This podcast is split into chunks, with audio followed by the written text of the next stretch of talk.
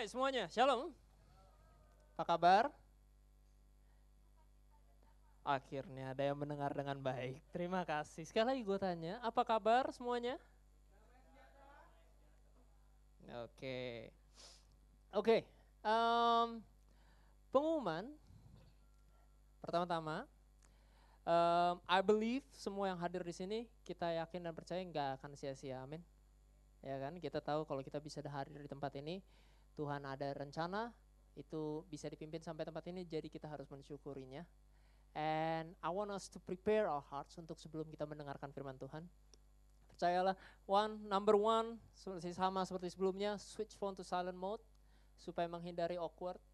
Karena saya tidak pandai menghandle awkwardness karena saya juga awkward, jadi jangan sampai ada bunyi-bunyi lainnya.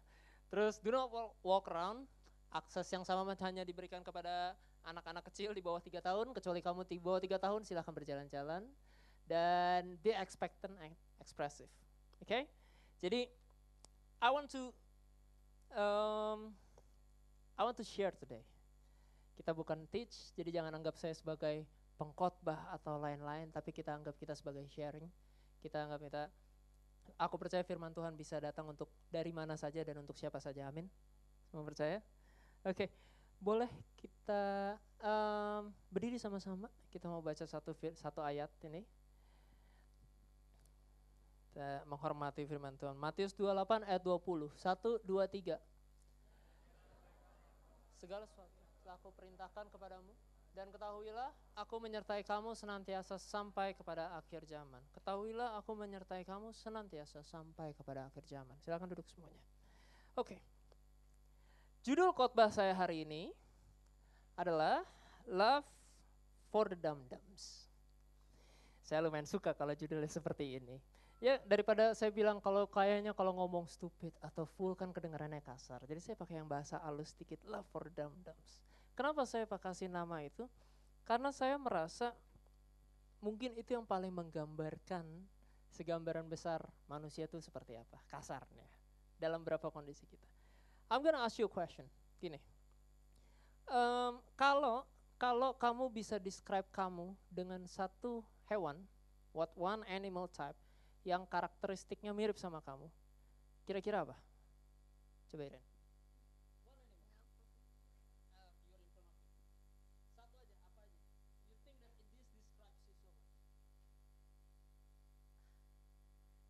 Unicorn.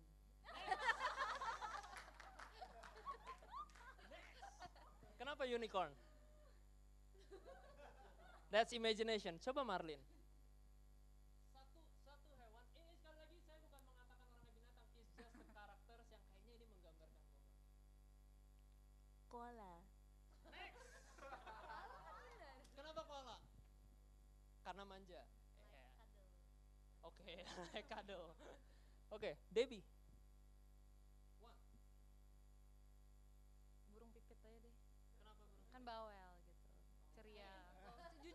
Jujur jujur Jujur. Mail, coba Mail.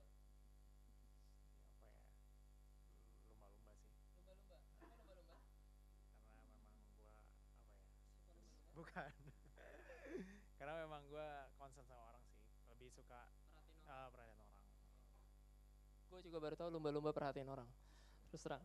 Gue kemarin ngecek, I, I do my research man. Gue kemarin ngecek, terus gue gue cek-cek itu kan, eh, kira-kira karakter seperti apa kan banyak tuh di website yang kayak gitu-gitu yang kayak maksudnya what are your spirit animals, yang semacam kayak gitulah. Terus gue coba ngecek, pertama pas gue cek masalah gue tiger, gue kayak pasti salah nih, nggak mungkin. Akhirnya gue cek yang kedua yang lebih mirip, dia bilang gue eh, kura-kura. Turtle, kenapa? Karena gue suka, gue tidak suka banyak perubahan, I am slow. Terus gue kayak kayak old age. Dia bilang sukanya duduk-duduk. Gue kayak ini gue banget nih. Ini bener-bener gue banget gitu. Tapi do you know what? In the Bible, Tuhan deskripsiin kita bukan ngatain sekali lagi bukan ngatain kita sebagai binatang, tapi He put a parables. Dalam seluruh khotbah-khotbah Tuhan, Tuhan sering pakai sebuah kayak perumpamaan, sebuah contoh supaya orang-orang bisa lebih paham. And one of the animals yang paling sering describe kita, none of the others, apalagi cuman satu. Apa dia? Siapa dia? Domba.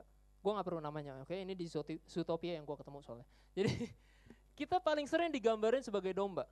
Bener kan? In your Bibles, digambarin sebagai sebuah domba. Nah sekarang gini, kadang-kadang waktu kalian mendengarkan itu, what do you feel? Kalau aku tanya sekarang, hey, Jani, lu dibilang Tuhan kayak domba, perasaan lu gimana?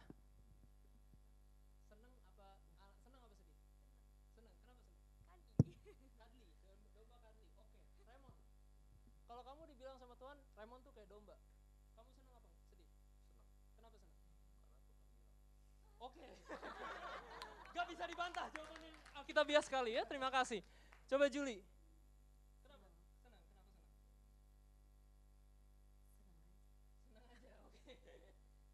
You know what? Kadang-kadang kalau dibilang seperti seperti hewan apa dan Tuhan bilang kayak kamu kayak domba. I be honest itu, aku pertama juga, gua pertama juga seneng. Aku, gua, saya. Oke, antara tiga itu ya.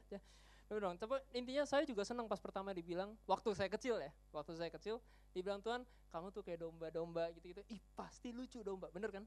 It's gonna be cute, it's gonna be cuddly, karena kamu tahu dia produce wall segala macam yang kayaknya so fluffy dan you know, it's everything looks good. Dan kalau kita lihat-lihat gambarnya maksudnya kayak kayak kita lihat-lihat belum pernah lihat domba dan lain-lain segala macam, kayaknya everything looks beautiful. Jadi kalau gue dibilang sama Tuhan gue kayak domba, happy lah, ya kan? It's a good thing. Here are the sheep facts. Ya. Number one, salah satu yang udah udah didetek dan di domba itu nggak pinter. Nomor satu. Ini foto ini diambil, ah, nggak begitu jelas, tapi foto ini diambil, domba ini bisa mengarah ke satu. Ini ini semua fokus on kamera ya, very photogenic kan dombanya kan. You know what? This happens often. Jadi domba itu sering banget dia bisa jalan-jalan-jalan, terus misalkan di sini ada pagar gitu ya, udah dia begini aja, for good 15 minutes. Abis itu dia tahu ini pagar ya, abis itu ditabrakin kepalanya ke sini, terus nyangkut di pagar kayak gitu. Domba is not smart. Dia tuh benar-benar yang kayak dia ngelihat misalkan kayak dia ngelihat nih ada air, ada air yang lagi ngalir gitu, misalnya ada ada sungai gitu ya. Dia tahu dia nggak bisa berenang, dia tahu dia nggak bisa lompatin. Habis dia have a good stare dia ngeliatin, dia jump anyway. Dia loncat anyway. That's the characteristic of the sheep. Mulai ragu kan, lu harusnya seneng apa enggak? Second, domba tuh unattractive up close. Ini agak kecil ya, maaf ya. Tapi gue bacain ya. Domba unattractive up close. Artinya apa? Gue dulu pernah, yang sekali lagi, impian saya dulu adalah domba itu sesuatu yang sangat cute and fluffy and cuddly, yang kayaknya tebel dan kalau dipeluk itu enak banget. Iya kan? Gitu loh. And then aku uh, waktu itu saya ke Aussie bareng keluarga, kita dibawa ke peternakan-peternakan itu kan, peternakan itu. And then I saw sheep for the first time in my life. Jadi itu baru pertama kali gue lihat domba secara real, up close gitu-gitu segala macam. Number one, they're not white. Di sini mukanya putih, iya mukanya doang. Kulit wallnya itu semuanya coklat, campur tanah, campur lain-lain, pokoknya dekil luar biasa. And baunya luar biasa. Kalau kamu ngelihat domba yang di, udah jadi boneka dengan ada wangi-wangian, jelas itu imajinasi kita beda. Tapi aslinya, you know what? It's totally different kamu ngelihat kayak kita kita ngelihat kalau kayak ngelihat rusa, ngelihat kijang gitu-gitu yang kayak maksudnya gimana mereka lari, it's very elegant kayak, gimana. Dan ketika kita ketemu up close, it's the same picture. Maksudnya mereka sama seperti itu. Domba enggak. Domba kalau kamu lihat di padang rumput dia lagi lari rame-rame, rame-rame gitu semuanya, itu lucu banget. Kayaknya it's very cute. Oh my god, pas udah deket, you don't want to get close. And then dia bisa tiba-tiba, domba tuh super random. Jadi dia terkenal salah satu hewan yang paling awkward dia bilang dia super random, dia bisa kick you atau headbutt, headbutt, headbutt tuh kayak sundul gitu kan, dia kayak sundul atau tendang lu without any reason. Jadi kan kadang-kadang kadang-kadang yang kalau kadang-kadang kan ada hewan yang bisa nyerang karena takut karena apa? Enggak, dia bisa kadang-kadang cuma mau cari perhatian terus dia sundul, tapi sekuat tenaga. Itu domba. When I was a kid yang waktu itu aku kausi, dia bilang kayak, "Iya, coba coba coba pet dombanya." Terus dombanya tendang gua. Terus kata orangnya, gak apa-apa emang begitu. Apanya? Kayak apanya emang begitu? That's not like that. And then next one, next thing, white vision. Poor depths. Domba itu kalau diperhatiin ya, ini gue kayak belajar peternakan, tapi believe me ada ada firmannya kok di sini. White vision, poor depths. Dia dia punya mata, kalau diperhatiin, dia punya mata itu bentuknya, oh, gue nggak percaya gue ngajarin dari sini. Oke, okay, dia punya mata, dia punya mata kalau kalian perhatiin bentuknya itu rada kotak pupil matanya, bukan bulat. Jadi by research domba itu punya vision range itu hampir 360 derajat. Artinya dia nggak perlu nengok belakang untuk tahu di belakang ada apa. Itu matanya domba tuh bisa kayak gitu. Dia bisa ngeliat sampai 300 derajat lebih, ya, dia udah nggak perlu nengok ke belakang untuk tahu di belakangnya ada apa. Karena mata dia bentuknya kayak kotak gitu. Dan kalau kalian perhatiin, domba itu kadang-kadang matanya agak jereng. Jadi bener-bener kayak ngeluas banget gitu. Dia bener-bener pokoknya ngeluas banget bisa ngeliat, tapi dia kagak bisa ngeliat dalamnya. Dia nggak bisa lihat 3D-nya. Jadi 3D-nya fail. Jadi misalkan contoh dia lihat bagi dia semuanya tuh kayak flat. Makanya dia bisa stare sesuatu agak lama karena dia nggak tahu itu seberapa dalam seberapa itu. Yang dan kembali lagi ke poin pertama karena dia tidak pinter dia hajar anyway. Gitu loh. Cuman ya maksudnya dia bisa ngeliatin sesuatu stare, dia lihat, dia cuma bisa bedain warna. Jadi domba itu bisa ngelihat contoh kalau ada tempat gelap dia nggak bakal datengin. Domba tuh nggak pernah ngedatengin shadow atau mau berdiri di dalam shadow. Biasanya ada hewan yang mau itu nggak mau panas dia nggak mau dia ketakutan. Jadi kalau ada yang gelap ada bayangan gitu dia nggak mau berdiri dekat bayangannya dia akan cari ke daerah yang terang. Karena dia nggak tahu dalamnya itu dalam kegelapnya itu ke dalamnya kayak gimana gitu loh. Jadi dia nggak bisa sama sekali ngedetect tingginya berapa ininya dia nggak bisa detect itu. Next doesn't have any defense mechanism. Ini kesian banget ya hewan ternak. Dia salah satu hewan yang terkenal nggak punya defense mechanism apa pun. Kecuali ya memang kayaknya dia bisa nanduk, dia bisa dia bisa nendang tadi, tapi compare to any other animals, maksudnya di compare sama binatang-binatang lain yang predator, nggak ada apa-apanya itu. Dia nggak bisa ngapain, manjat nggak sejago kambing. Kambing kan jago manjat kan, dia nggak sejago itu. Jadi dia benar-benar kayak dia nggak punya defense mechanism kecuali satu ngumpul sama teman-teman deh jadi kalau kalian lihat domba itu selalu ngumpul karena itu defense-nya mereka. Bagi mereka kalau rame-rame lebih aman. Dan emang bener kalau rame-rame kayaknya kayaknya rame gitu-gitu kalau disuruh duduk rame-rame kan sakit juga. Jadi mereka selalu stick together, selalu close together karena mereka defense mekanismenya cuma itu. Anggapannya domba kalau satu kali satu kepisah hilang, dia kalau sudah satu kepisah hilang, dia satu panik, dia panikan, dia bahkan bisa mati gara-gara panik ini bodohnya domba. Jadi misalkan contoh ya, lu ada domba nih lagi jalan-jalan terus dikagetin ada suara keras dan ini bener ini baru research. Dikagetin sama suara keras, dia bisa kaget, ketakutan terus mati, sakit jantung. True story man, dia bisa kayak gitu yang kayak kayak benar-benar ketakutan, so weak, so timid yang benar-benar kayak dia bisa kayak gitu doang.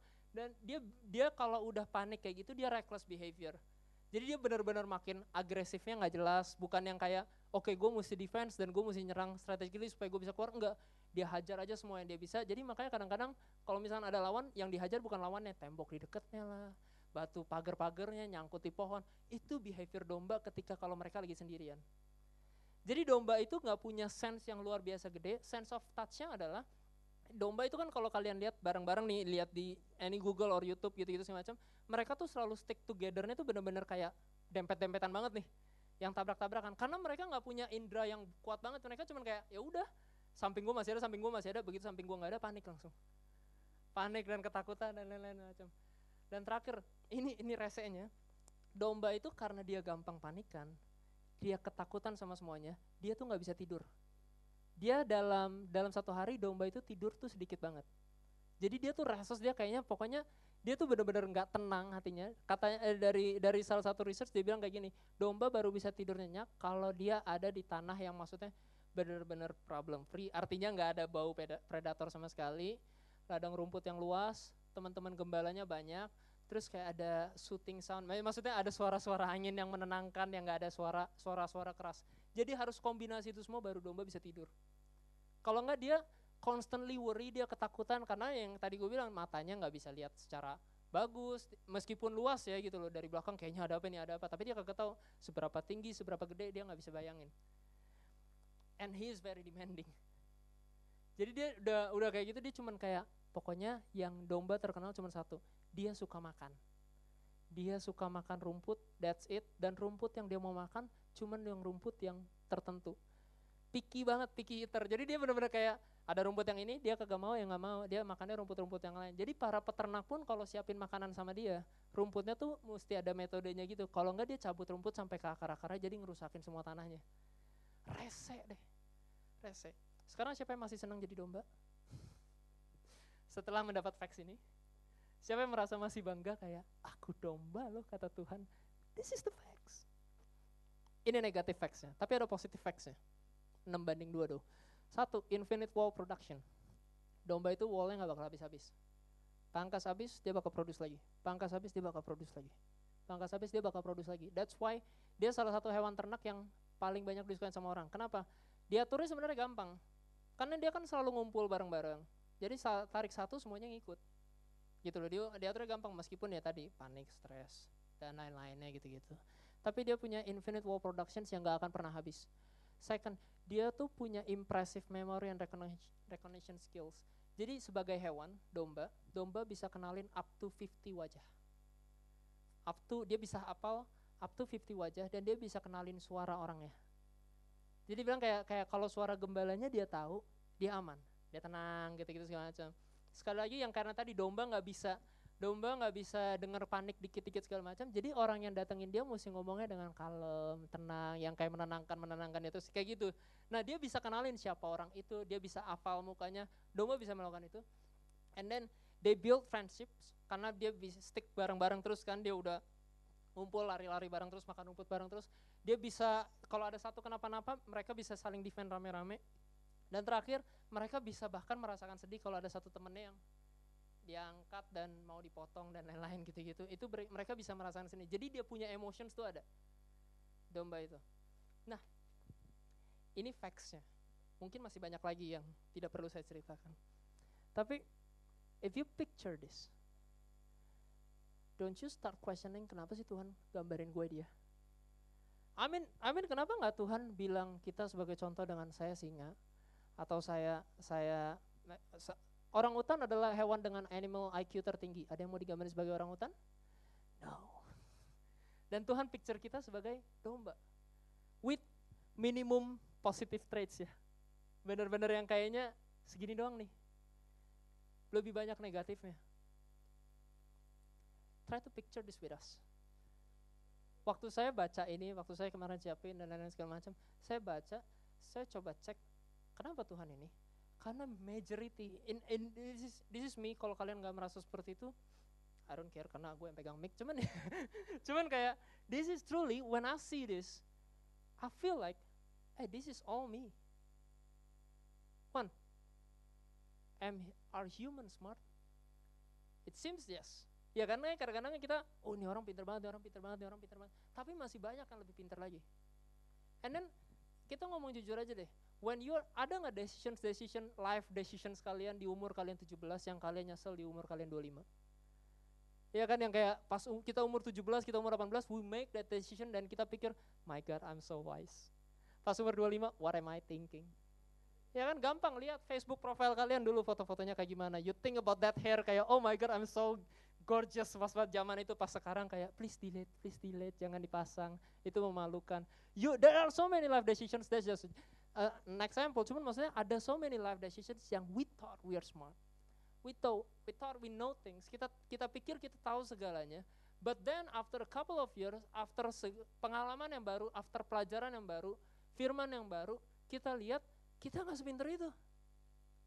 Masih banyak lagi yang mesti kita pelajarin masih banyak lagi yang kita nggak tahu. And apakah kita cepat belajar? Buat buat saya, saya nggak begitu cepat belajar. Saya orangnya. Bukan dalam konteks akademis dan lain-lain, cuman dalam kasarnya gini, kamu tahu itu nggak bagus buat kamu. Kadang-kadang kita masih ngelakuin nggak? Ya kan kalau kita langsung berhenti pada saat itu kita ada di sini kagak ada masalah, bener ya? Kamu nggak akan menghadapi masalah, kamu nggak akan menghadapi namanya addictions, kamu nggak ada nggak akan menghadapi namanya kekurangan. Karena begitu kayak, hey kamu bohong, lain kali jangan bohong lagi ya. Sip, udah itu dia nggak pernah bohong lagi. If it were that easy, if we are that smart to know kalau kita melakukan itu dosanya apa, impactnya apa, dan kita nggak ngelakuin itu lagi, akan jauh lebih mudah. Tapi sayangnya kita enggak. Bener kan berapa kali sebagian besar dari kita mungkin jatuh ke lubang yang sama, yang udah teman sekeliling kita ingetin, yang udah community kita ingetin jangan ke sono, jangan ke sono, and we do we do it anyway. Isn't that us? Unattractive up close. There are so many things yang gue bisa explain kayak kayak kadang-kadang kita ketemu orang yang eksteriornya luar biasa tapi sometimes interiornya beda jauh. Ya kan packaging selalu terlihat lebih bagus daripada dalamnya. Gitu loh mumpung pacar gue nggak ada dulu pada saat sebelum pas PDKT pas PDKT dia sering ya, kalian kenal Yoyo kan ya dia sering jalan jalanan lurus bisa keserimpet bener kan dia bisa keserimpet sendiri dia bisa jatuh sendiri dulu pas lagi PDKT I found it really cute ya kan kalau dia lagi jatuh gitu are you okay ya kayak gitu ya namanya juga lagi naksir geli ya bodoh amat nah, cuman ya kayak Kayak pas naksir dulu ya pasti begitu. It's very cute. Kita jadinya pengen jagain. Aduh jangan kenapa-napa segala macam. And one one of my friend bilang kayak, you know what? After a couple of years nggak bakal cute lagi. Waktu dia ngomong itu gue pikir kayak, this dude must be crazy. Kayak how can this cute things gue bisa bosan. Sekarang udah tiga tahun dia jalan ke pleset gue udah kayak, you know what? Kayak kayak I thought it's still cute dia jalan lurus tapi kalau jalanan lurus di mall kepleset lu bakal mikir kayak kenapa sih kayak what's wrong with your feet yang bisa masih kepleset at first gue pikir masih enggak tapi when you get up close setiap hari dan lain-lain and you face that situation it's not cute anymore it's not something yang kayak kita bisa appreciate anymore. Jangan lapor ke Yoyo please. Nggak cuman there are so many things yang dia lihat ke gue juga beda. Pas awal dia pikir kayak oh kayaknya lu kayaknya orangnya bahaya sama orang segala macam. Sekarang pasti lihat lu nggak sabaran banget sama orang sama gue aja nggak sabaran. Iya sih. Emang bener sometimes we are unattractive up close. Bener kan? We got a good packaging you got a good social media exteriors yang kayaknya gila. This life her life gue pengen banget follow kayak dia and when you see up close oh dia juga punya problem ternyata oh ternyata kayak gini hey lihat itu leader gila dia khotbah di sini segala macam begitu lu lihat dia melakukan kesalahan di luar sana dosa satu kayak ih ternyata dia punya tato di punggung gambar naga. Misalkan. Do I don't think it matters, cuman maksudnya kayak you, you know people can judge. Itu loh. Unattractive up close setelah kenal kayaknya makin banyak ketemu flow-nya, flow-nya, flow-nya. Sadly we are that type, that people, iya kan? Sadly kita nggak bisa pinpoint bahwa semua yang saya ngomong saya akan ingat sampai seumur hidup saya dan saya nggak pernah melakukan kesalahan. Saya enggak. Most of the times I did my mistakes apa yang saya sharing kadang-kadang saya mesti belajar lebih banyak daripada yang, yang saya sharing daripada yang orang sharingin ke saya. Yang saya sharing ke orang-orang di home di mana-mana, kadang-kadang itu pelajaran yang terbesar buat saya daripada buat orang lain. This message is more about me, should be learning daripada buat mungkin buat kalian. Tapi it's good because we have to learn about that. White vision, poor depths itu udah jelas lah. Kita bisa lihat ke mana aja sosial media ke mana aja kita bisa kayaknya mengetahui orang dari mana aja tapi kita nggak kenal dalamnya. Benar kan? And when you, waktu kita nggak kenal dalamnya, we just head cross into them. Kita just paksa masuk aja. Kita nggak tahu apa yang dia lagi facing, kita nggak tahu apa yang dia lagi situasinya. Kita cuma lihat semua luarnya. Kita bisa lihat semuanya. Dia bilang kamu kamu sesumbar di mata jauh di sono kamu bisa lihat tapi balok depan mata kamu kamu nggak bisa lihat. That's the thing. Kita nggak tahu di depan kita kita nggak bisa notice depthnya segede apa yang di depan mata kita yang ngalangin mata kita. Kita nggak notice apa yang mengganggu kita, tapi kita bisa lihat orang di luar sana kayak gimana. Kita bisa judge orang-orang di sana-sana kayak gimana. Bukankah manusia juga melakukan hal itu? Punya vision yang luas, tapi nggak kepake. Dia cuma bisa ngelihat, tapi dia nggak bisa decide, is it good for me or not? Doesn't have any defense mechanism. True. What can we do? What can we do? bukan ini bukan physical saya bisa membuat senjata I don't care but cuman maksudnya what can we do actually we are very fragile untuk semua dosa bener kan if you can claim today that hey man I can tell you gue bisa nggak dosa setahun good for ya kayak gue sih masih jauh Most of the time kita very fragile with sin, kita very fragile with our weaknesses, kita very fragile bahkan kita jalan nyetir aja angkot nyerobot kita udah pengen kita serempet balik. Bener kan? Kadang-kadang there are so many things yang kayak gitu. We are very fragile and we are so defenseless. Kita nggak punya something yang secara natural kita sendiri kuat. Secara natural human sendiri kuat. Tuhan udah bilang daging itu lemah. Dan kita masih hidup dalam daging. Technically kita sama sekali harusnya lemah total. When they are alone, easy to panic, can die from stress, reckless behavior. Kita bukan bilang gua, gua bukan bilang kita akan mati karena panik dan lain-lain macam-macam. Tapi don't you notice ini juga kita? Kita our safety numbers adalah kita ngelihat kayak dia masih ngelakuin itu, gue juga ikutin. Gue core misalkan, enggak gue emang core bukan misalkan. kayak kayak gue, gue dosa, gue bohong. Terus misalkan Jani lihat gue bohong, core-nya juga bohong dan gue ikut. Cika lihat Jani bohong, semuanya ikutan. Telat, ininya juga telat, ini juga telat. Selama ada numbers yang banyak, berarti gue bukan orang yang sendirian. Bener kan? Berarti gue bukan itu. Tapi kalau in case sampai aku sendirian pun, akhirnya kita jadinya apa? Kita keluar reckless behavior. Karena kita nggak tahu mau ke mana. Kita nggak tahu arahnya gimana. kamu bisa cuman seperti tadi domba tadi. Kalau dia panik dia bisa itu dia bisa antara panik lari-lari atau dia cuman stare in one stage for a long time, tapi nggak tahu dia mesti ngapain. Dan meskipun itu buruk buat dia, dia akan lari masuk ke sana. Don't we do the same thing? Don't you feel we do the same thing? Restless and very demanding. Kayak, don't you feel kayak kadang-kadang di hidup kita kita nggak pernah merasa restless di sini dibilang very demanding kita compel dari satu pernah nggak kamu merasa cukup sama kehidupan kita? Bener kan ya? How human gimana manusia tuh selalu drive kayak maksudnya kayak kurang kurang kurang kurang kurang. Gue nggak pernah sekali lagi saya nggak pernah against orang yang mau achieve lebih. Tapi achieve lebihnya kenapa kamu mau achieve lebih? Apa karena kamu merasa kurang atau kamu merasa panggilanmu ada lebih lagi yang kamu mesti kerjakan?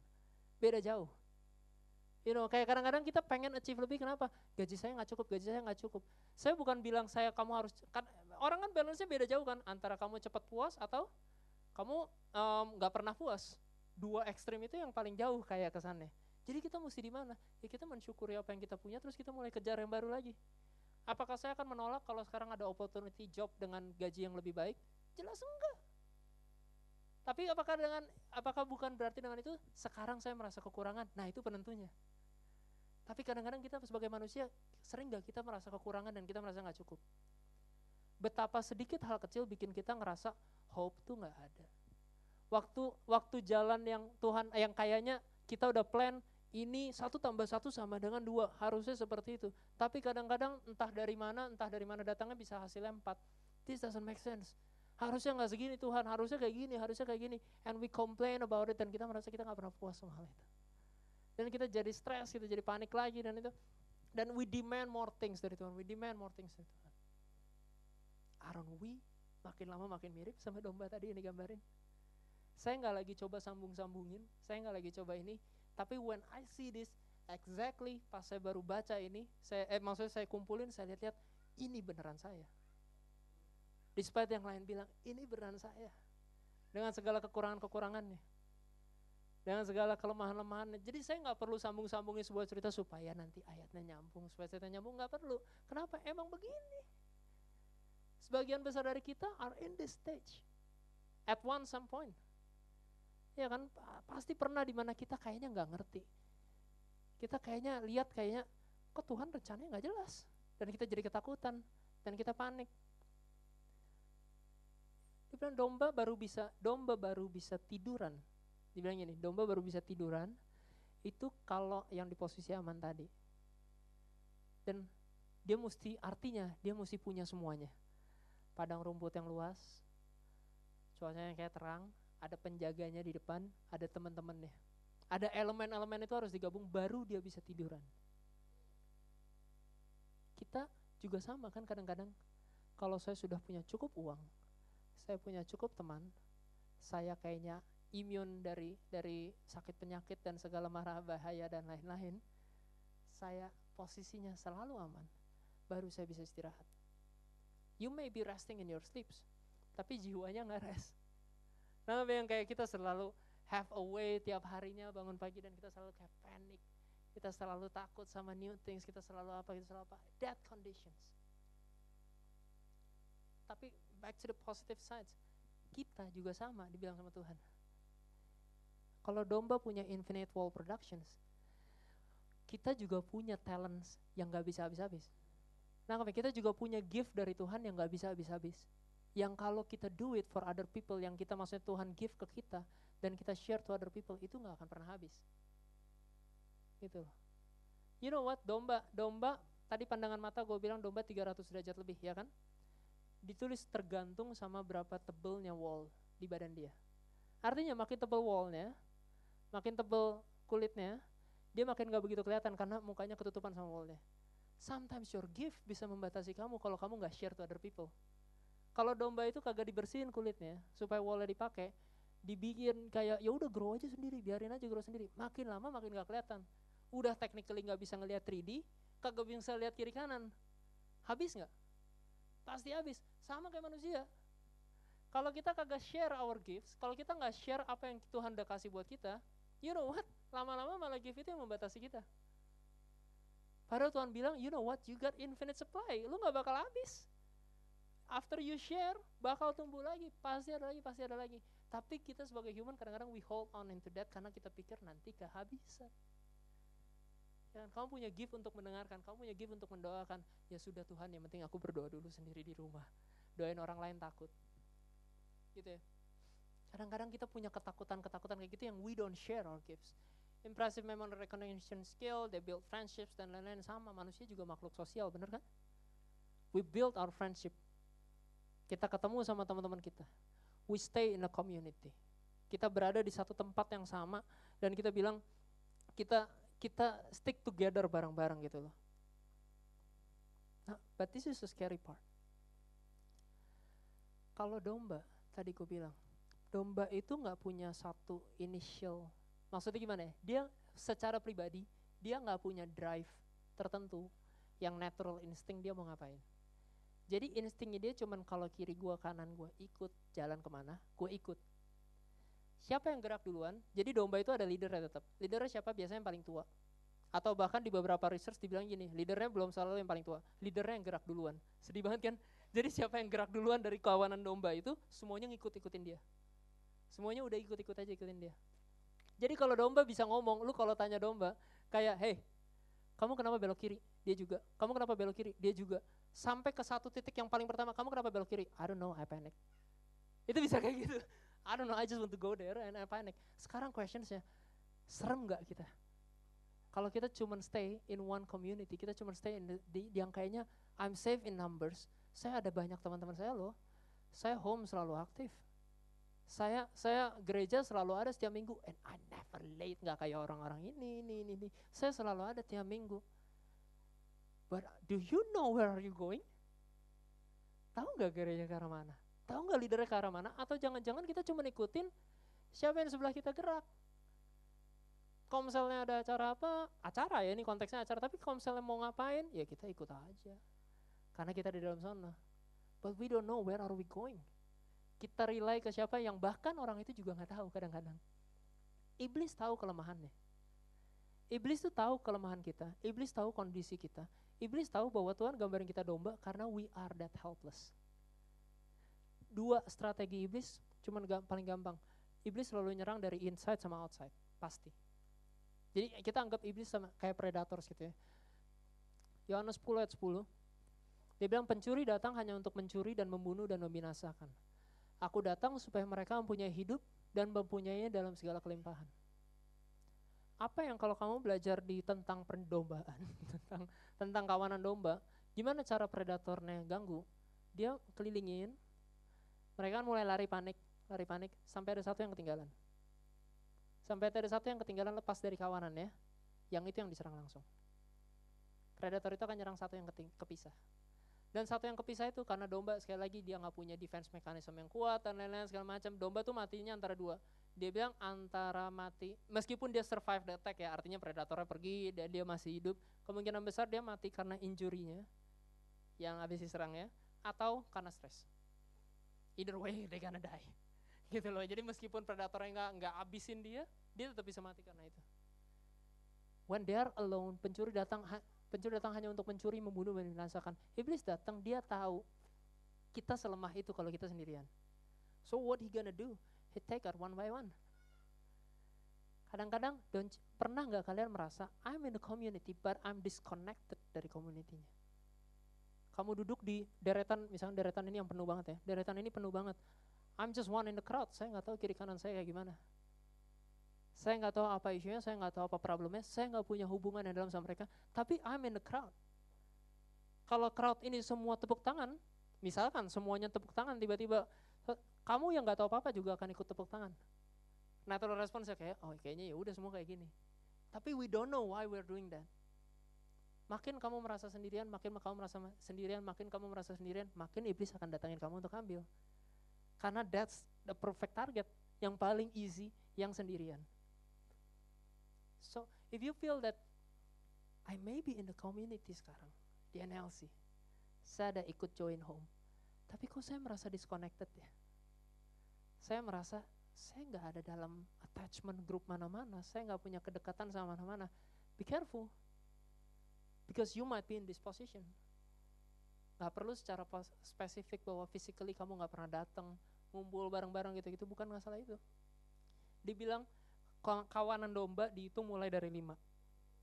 Dia bilang mulai dari lima itu baru kelihatan behavior dombanya itu akan kayak gimana, ngikutnya kayak gimana, siapa leadernya. Itu baru kelihatan. Pada saat mereka mulai berlima. Tuhan nggak minta kamu harus 120 dan selalu jalan-jalan bareng-bareng dan semuanya kayak dekat satu sama lain, nggak mungkin. Tapi with a few good friends yang kita kenal dan kita bisa percaya dan kita tahu arahnya ke mana, that itu udah menghelp banyak di dalam kehidupan kita. Di teman-teman yang kita bisa rely, kita tahu nih dia arahnya mau ke mana, dia bisa bimbing kita ke arah yang lebih tepat dan lain-lain. Itu penting. Jangan sampai kayak lama-lama kita makin lama makin makin loner kita pikir kayak I'm a lone wolf. You're not a wolf, you're a lone sheep. Ya kan kita pikir kita keren itu loh, I'm a lone wolf, gue pejuang sendirian, I'm a man, gue biar ber, gua berjuang sendirian. You're a lone sheep man.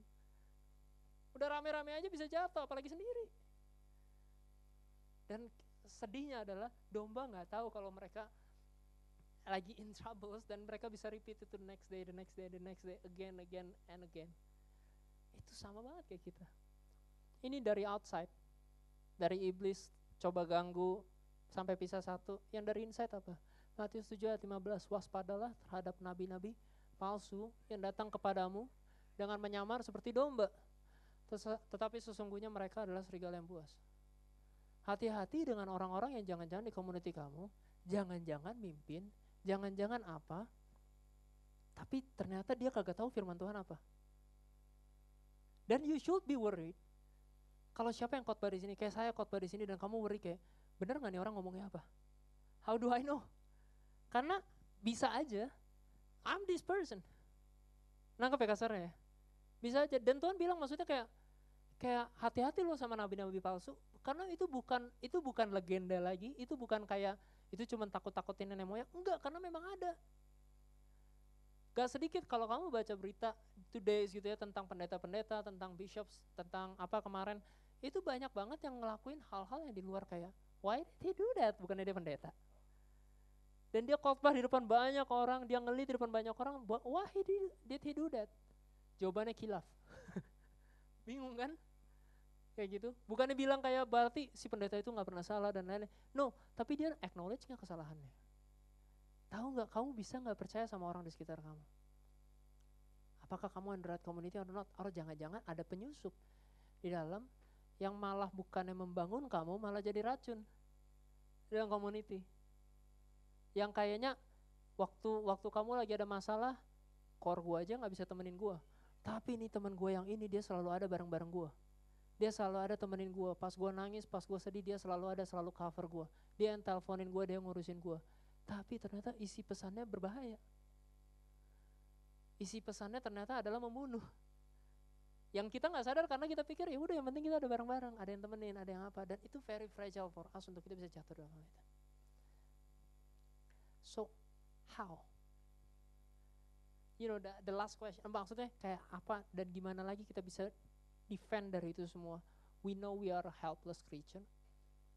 Dibilang manusia adalah ciptaan Tuhan yang paling tinggi, paling mulia. Tapi sadly, sometimes kita se-weakling ini. Kita selemah ini, kita nggak punya kekuatan sendiri sekuat ini. Udah kadang-kadang kita selemah ini. Dan gimana? Udah bisa diserang dari luar, dari dalam juga bisa ada penyusup. You can only rely sama Tuhan. You can only rely with a good shepherd. Boleh, um, aku bacain ya, Mazmur 23 ayat 1 sampai 6. Ini Daud. Tulis dia bilang Mazmur Daud, Tuhan adalah gembalaku, takkan kekurangan aku. Ia membaringkan aku di padang yang berumput hijau. Ia membimbing aku ke air yang tenang. Sampai situ dulu. Di sini Daud bilang, ya, Tuhan, kalau Tuhan adalah gembala gua, gua nggak akan kekurangan. Kayak tadi di kalimat sebelumnya di facts-nya, domba tuh nggak bakal bisa tidur sampai dia merasa semuanya kecukupin. Dia akan selalu panik karena dia nggak merasa dia di fed well. Kayaknya apakah dia ada di, tempat yang aman apa enggak. Tuhan bilang, Daud bilang, ia membaringkan aku, Tuhan membaringkan aku di padang rumput hijau. Artinya bahkan saya domba itu kita ada di stage di mana everything is safe sama Tuhan. Tuhan adalah gembala yang seperti itu. Yang he will ensure everything, dia amanin semuanya supaya kamu bisa beristirahat. Supaya kamu bisa tenang. Kadang pas kita baca ini kita pikir, no physically Tuhan, physically masih banyak yang nyerang saya. Ya kan? Masih banyak di dunia ini yang di luar saya, yang ganggu saya, yang ganggu jiwa saya. Tapi Tuhan bilang, kalau kamu depend sama Tuhan, Tuhan bukan lagi ngomong physically-nya, even physically kamu sakit, tapi soul kamu spiritually, kamu ada di sini. Spiritually meskipun keadaan gak enak, meskipun kayaknya itu, kayaknya uang kamu kurang di mata teman-teman kamu, tapi kamu tahu, saya gak kekurangan. Saya bahkan bisa tidur. Saya bahkan bisa beristirahat benar-benar, karena saya tahu Tuhan cukupin saya. Ia membimbing aku ke air yang tenang. Kenapa? Tadi gue udah kasih contoh. Kalau sungai, ada sungai, domba pasti mati. Karena dia nggak bisa detect, dia nggak bisa berenang, dia nggak bisa detect itu sedalam apa, jadi dia nggak tahu amannya gimana. Tuhan akan lead kita ke sumber air yang tenang, yang it's safe for you. That's how our God do his things. Dia tahu apa yang kita butuhin, dia tahu yang benar-benar kayak gimana, jadi dia bakal lead you to the right place. Ia menyegarkan jiwaku, ia menuntun aku di jalan yang benar oleh karena namanya. A shepherd job is to lead.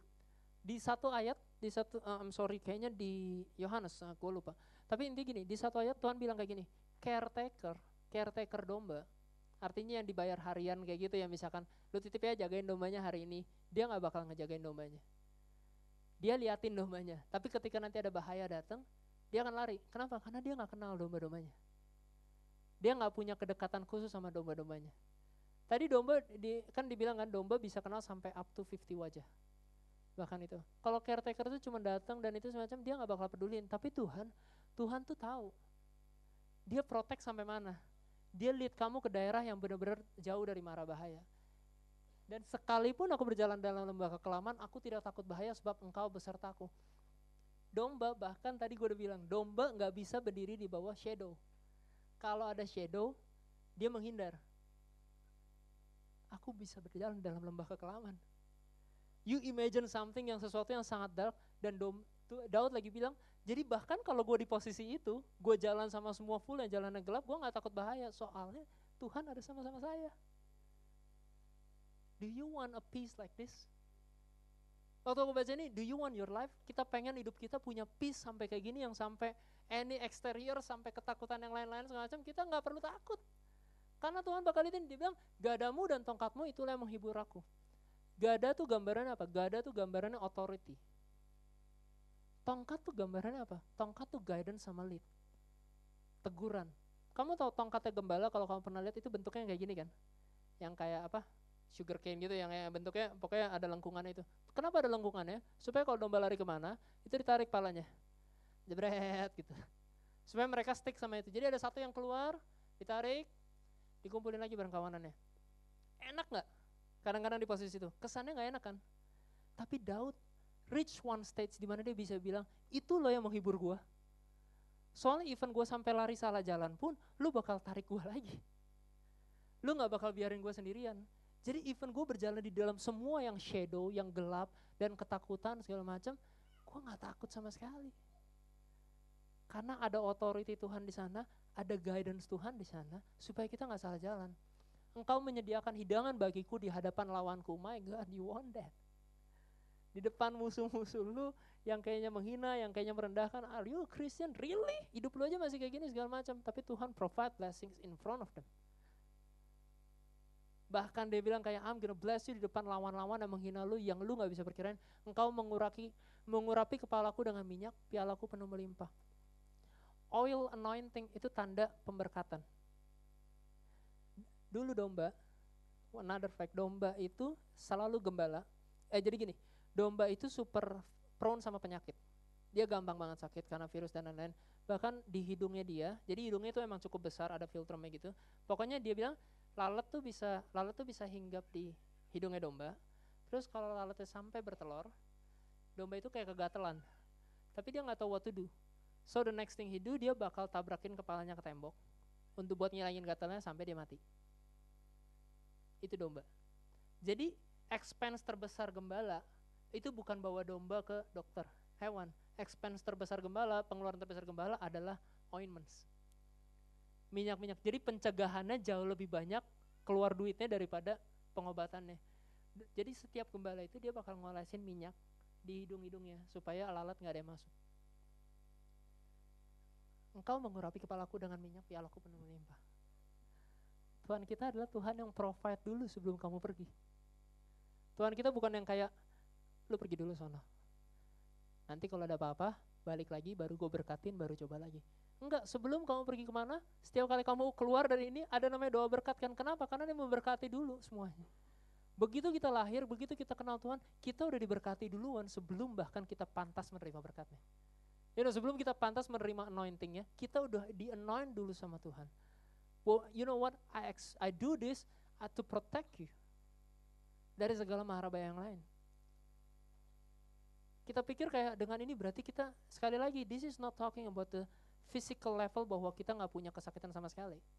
Tapi dia lagi bilang in your spiritual level nobody can touch you. Nobody can touch you. Waktu lu surrender sama gue, waktu lu percaya, waktu lu ngeliat sama gembalanya, waktu kita rely sama gembalanya, Gak ada orang yang bisa nyentuh kamu.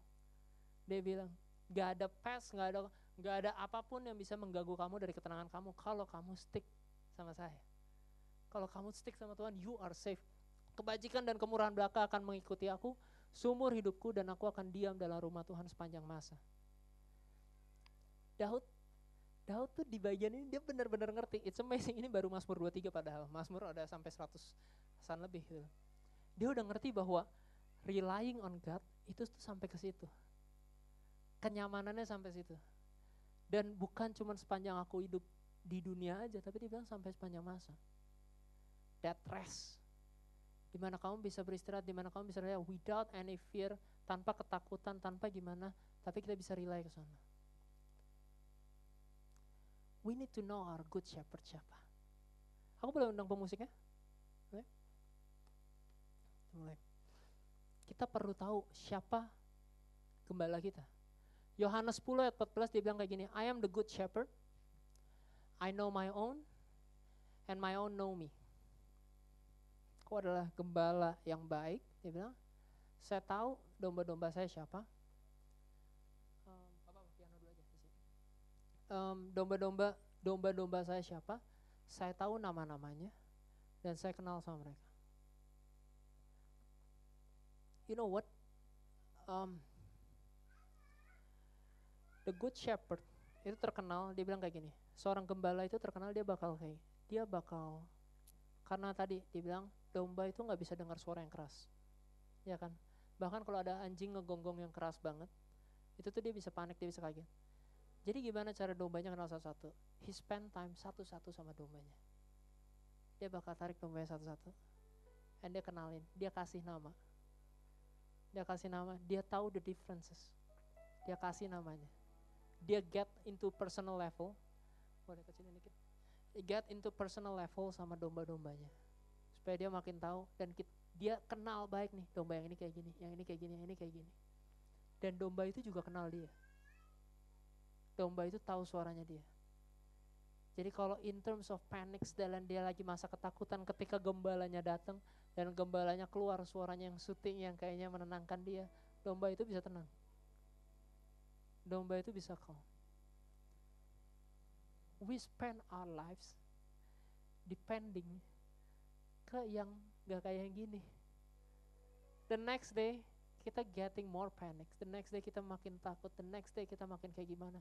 And we get even more lost. But if today we decide kita mau decide sama yang shepherd yang benar kayak gimana. Yang promise kita, yang sudah mempromis dia akan melakukan ini semua. There is no worry for us.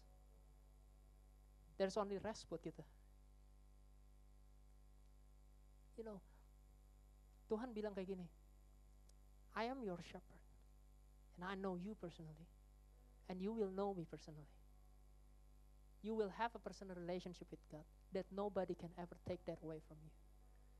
Kamu punya sebuah hubungan sama Tuhan yang gak ada kan satupun ada yang bisa ngambil. Tapi job kamu bukan cuma nyampe situ. Di mata Tuhan, sampai kapan pun, sehebat apa pun kita, se kamu memimpin berapa banyak pun, it doesn't matter, kamu tetap dombanya dia. Sampai seposisi kamu orang terkaya di dunia, orang terpintar di dunia, he doesn't care, kamu tetap dombanya dia. Tapi our job sekarang, our callings gak berhenti cuma nyampe situ doang. supaya I preach today bukan supaya tiap minggu kalian duduk di sini mendengarkan hal yang sama. Siapa yang khotbah ganti hari ini menarik apa enggak, hari ini pas apa enggak, saya belajar apa minggu ini. No. Tapi karena ada calling yang Tuhan mau buat kita. Ada calling yang Tuhan bilang kayak kayak if you want me and if you feel that dia bilang gini John uh, John 20, 21 verse dia bilang kayak gini Yohanes 21 ayat 15 sampai 17 when they then when they had finished breakfast Jesus said to Simon Peter Simon son of John do you love me more than these two he replied yes Lord I know you know I love you. Jesus told him feed my lambs. Jesus said a second time Simon son of John do you love me? He replied yes Lord you know I love you. Jesus told him again shepherd my sheep. The third time Jesus said the third time Simon son of John do you love me? Peter was distressed that Jesus asked him a third time, Do you love me? And said, Lord, you know everything. You know that I love you. Jesus replied, Feed my sheep. Your calling today bukan hari ini kamu duduk, minggu depan kamu duduk lagi, and you sit down again, you sit down again, you sit down again. Sit personally sama Tuhan. Sit personally in your times di rumah. Kita duduk personal sama Tuhan, we get close to ke Tuhan. Karena itu good shepherdnya. You can't sit together with me every single day karena I'm limited. Ada banyak yang kadang-kadang aku bisa share dan bisa aja salah. I can't be maksudnya full selalu benar selalu benar. Tapi if you rely yourself ke Tuhan, that's the most important part. But then to other people, it is time for you juga untuk shepherd sama mereka. To the people next to you. Untuk kamu bangun berdiri badan kamu, angkat badan kamu dan bilang kayak kalau kamu bilang, you know what God, I love you. Kita nyanyi, kita worship, kita bilang, I love you God, man, I love you, I love you. Tapi the next thing you know, ketika kamu ketemu sama orang, you disappointed. I don't want to spend my time capek sama dia. Capek sama dia, capek sama dia. Dia begini terus, sudah dibilangin berkali-kali, pasti masih ngulang-ulang, I don't want to spend my time. Tapi God said to Peter, you know what, you love me, you feed my sheep. You shepherd my sheep. Man, that's tough. That is tough. Dia bilang, Simon Peter, kalau kalau dia bilang ke Yohanes masih mending. Yohanes terkenal orang yang lemah lembut, yang perhatiin orang, yang care for other people, care sama Tuhannya luar biasa. Dia bilang ke Simon Petrus tuh, yang orangnya terkenal hard headed, orangnya terkenal rash, orangnya terkenal pokoknya strong will banget, orang keputusan orang perasaan orang lain nomor terakhir. Tapi dia bilang sama Peter, I don't care about your characters. Lu bilang lu sayang sama gue, you feed my sheep. Lu bilang lu sayang sama gue, you shepherd the people next to you. You be a guide yang benar. Be close to God and be a, guide to other people yang belum kita kenal. This church ini masih kosong. Masih ada room buat teman-teman kamu di sekitar kamu yang perlu di guide. Dia nggak akan keisi dengan sendirinya kalau kita di sini memilih untuk diam aja and terima minggu ini saya ada khotbah apa. You know, it doesn't miraculously happen like that. But we go out and we share. And we be guide for them. Tapi kita nggak akan bisa jadi guide yang benar. We'll get tired one day. Ya kan, kita pasti get tired one day. Karena kita pikir ya, know what, capek ngurusin orang yang sama yang melakukan kesalahan berulang-ulang. It spends so much energy and I burn out dan lain-lain segala macam. It is tough, pasti. I tell you, it is tough. It is tough to even be a good friend. Kalau saya tanya kamu sekarang, kamu lagi berdiri di depan jurang. Bayangkan kamu lagi berdiri di depan jurang. Kamu nggak tahu itu jurang. Kamu nggak tahu bahwa itu berbahaya buat kamu. Tapi kamu lagi berdiri di depan jurang. Kamu lebih pilih punya temen di, di atas bareng-bareng kamu yang ributin kamu jangan loncat, atau temen di bawah yang semangatin kamu kayak it's okay nggak apa-apa nanti lain kali jangan. Pilih mana? Yang di atas kan kadang supaya dia ingetin kita jangan sampai kita loncat. You know what? Tapi pada kenyataannya, pada prakteknya, yang di atas yang dibilang rese sama kita. Bener kan? Yang di atas yang ingetin kita, yang ngomongin kita terus, itu yang kita bilang rese. Yang di bawah, yang tukang comfort yang bilang kayak udah lain kali nggak apa-apa, jangan gitu lagi. It's okay, ayo bangun lagi, semangatin lagi. Kadang-kadang lu telat. Manusia tuh kayak gitu. Tapi Tuhan bilang, you want to be a good friend, lu mesti ada di atas sama di bawah.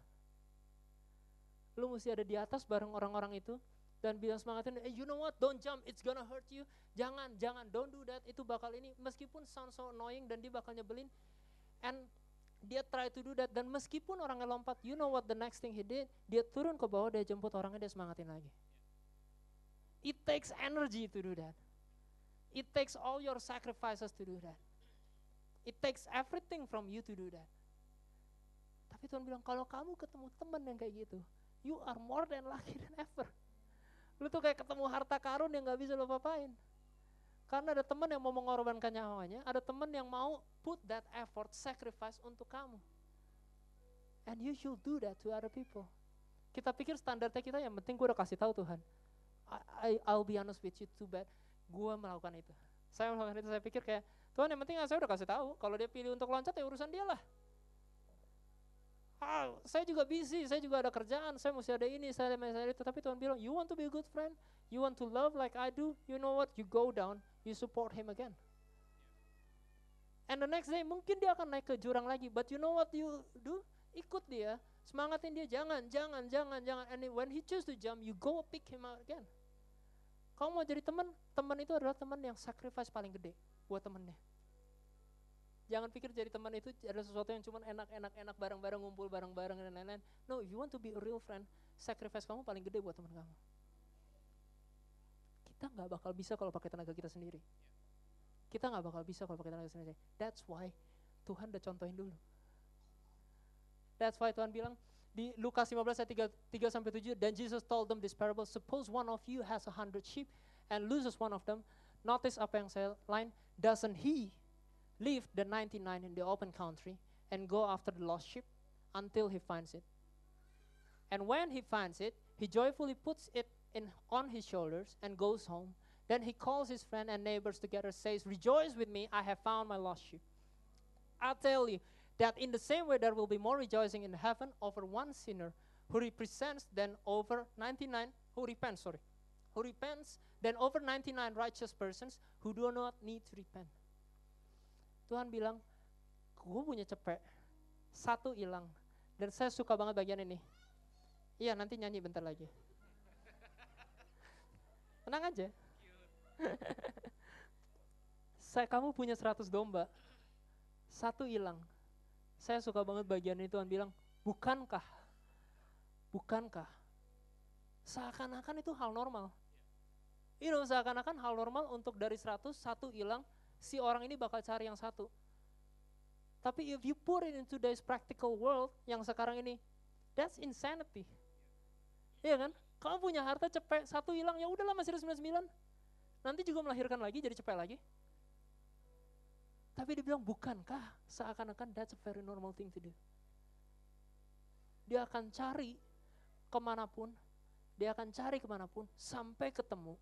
Dan dia bakal bawa pulang, and bukan bawa pulang kayak gimana, bukan bawa pulang sambil diomelin kayak, bego lu, emang bego. Dome emang bego gitu Maksudnya kayak, dia bukan nama tapi dia gendong. Dia bawa, dia bukan cuma kayak, ya udah sekarang mulai sekarang ikutin. No, he picks you up. Dia bawa ke kawanannya lagi, dia panggil teman-temannya, you know what, I found the lost one again yang udah hilang ini I found it again. And dia, itu yang Tuhan bakal lakukan ke kita. If we got lost. Itu yang Tuhan put that effort ke kita. Even though kita nyangkut berkali-kali, even though kita bodoh, kita adam-dam yang selalu mengulangi kesalahan yang sama dan lain-lain, kasihnya dia tuh sampai kayak gitu. Kenapa yang tadi? A good shepherd know my own and my own know me. Dia kenal namanya satu-satu. Dia spend time personally satu-satu sama setiap orang. So that's why each of you yang ada di tempat ini hari ini, each of you ada posisi di gereja, ada apa enggak, I don't care. Tuhan bilang gue gak peduli. Rajin ke gereja apa enggak, datang telat apa enggak, Tuhan gak peduli. God already spend personal time sama kamu dan dia tahu nama kamu. Dia tahu kehidupan kamu. Dia bilang sehelai rambut kamu jatuh aja dia tahu. You are never alone in this. That's why if you ever gone missing, Tuhan tuh akan cari kamu sampai situ karena dia nganggap kamu penting. Dan seharusnya we as a shepherd do the same thing. Benar kan? Seharusnya we yang kita mau belajar Tuhan bilang, oke okay, you be a good shepherd, you shepherd my sheep. Kalau ada teman-teman kita di sini yang lost, will we do the same thing? Karena we spend the same time kita kenal sama mereka, kita nggak mau kita sama mereka, kita anggap mereka importance. Jangan sampai kita ada di same community over and over and kita nggak nganggap kiri kanan kita important. You can do that actually. Tanpa sadar, kamu bisa 10 tahun ada di satu komunitas, di tempat yang sama, ngumpul bareng-bareng, tapi when push come to shove, waktu orang itu kesusahan, you just don't care. You just feel like dia emang kayak gitu. Tapi Tuhan nggak kayak gitu. If you say, I love Jesus, I love God, what will you do? You do it like Him. You learn something today? You blessed? And let's let's worship God.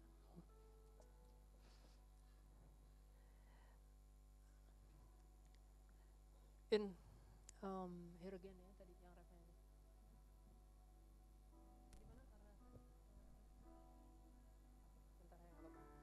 You know, um, boleh aku undang semua untuk bangkit berdiri? We're gonna worship God.